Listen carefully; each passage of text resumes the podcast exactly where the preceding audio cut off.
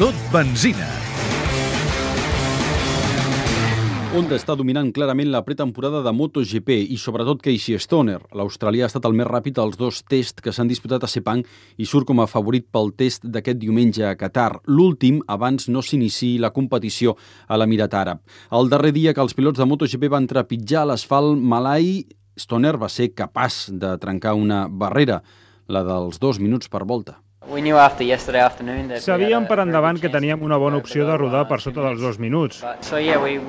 Hem muntat un pneumàtic més tou i m'he proposat ser el primer que baixés dels dos minuts. Pensava igualment que altres pilots ho aconseguirien, perquè la pista estava en molt bona situació al matí. He estat el primer en baixar de dos minuts. Rodant 59 és molt bo. Ha estat un molt bon dia. També Dani Pedrosa va rodar per sota dels dos minuts aprofitant l'estat de la pista al matí al darrere d'Honda i a Yamaha i la primera Ducati a Sepang va ser la d'Héctor Barberà desè. El domini d'Honda és tan clar que des d'alguns mitjans italians van acusar la marca japonesa d'usar un nou sistema d'embragatge il·legal. Honda va tallar les especulacions. Livio Supo, director de màrqueting, pensa que per sobre de tot hi ha Pedrosa i Stoner esperonant-se mútuament. Pensar que Honda està jugant fora del reglament no té cap ni peus. La moto ja es va millorar molt l'any passat i encara més aquesta temporada.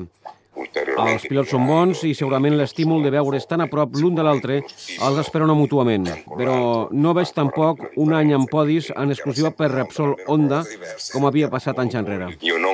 Els rivals d'Honda esperen poder canviar les coses els dies 13 i 14 a Qatar. Dani Pedrosa no es refia de Yamaha i Ducati ni de la seva pròpia sort. Hem aconseguit millorar una mica les frenades, crec que és important i estic bastant content respecte a altres anys, estem en millor, millor situació, però bueno, no vull oblidar que altres anys pues, els entrenaments d'hivern han anat d'una manera i les curses d'una altra, per tant els peus al terra i esperant que els nostres rivals siguin forts a les curses. Els quatre fantàstics es tornen a plegar a Qatar en aquest test nocturn. Rossi en hores baixes sense trobar l'entrellat de la Ducati, Lorenzo demanant més potència a Yamaha i Pedrosa i Stoner esperonant-se mútuament per veure qui comença la temporada més ben posicionat per encapçalar la jerarquia del Repsol Honda.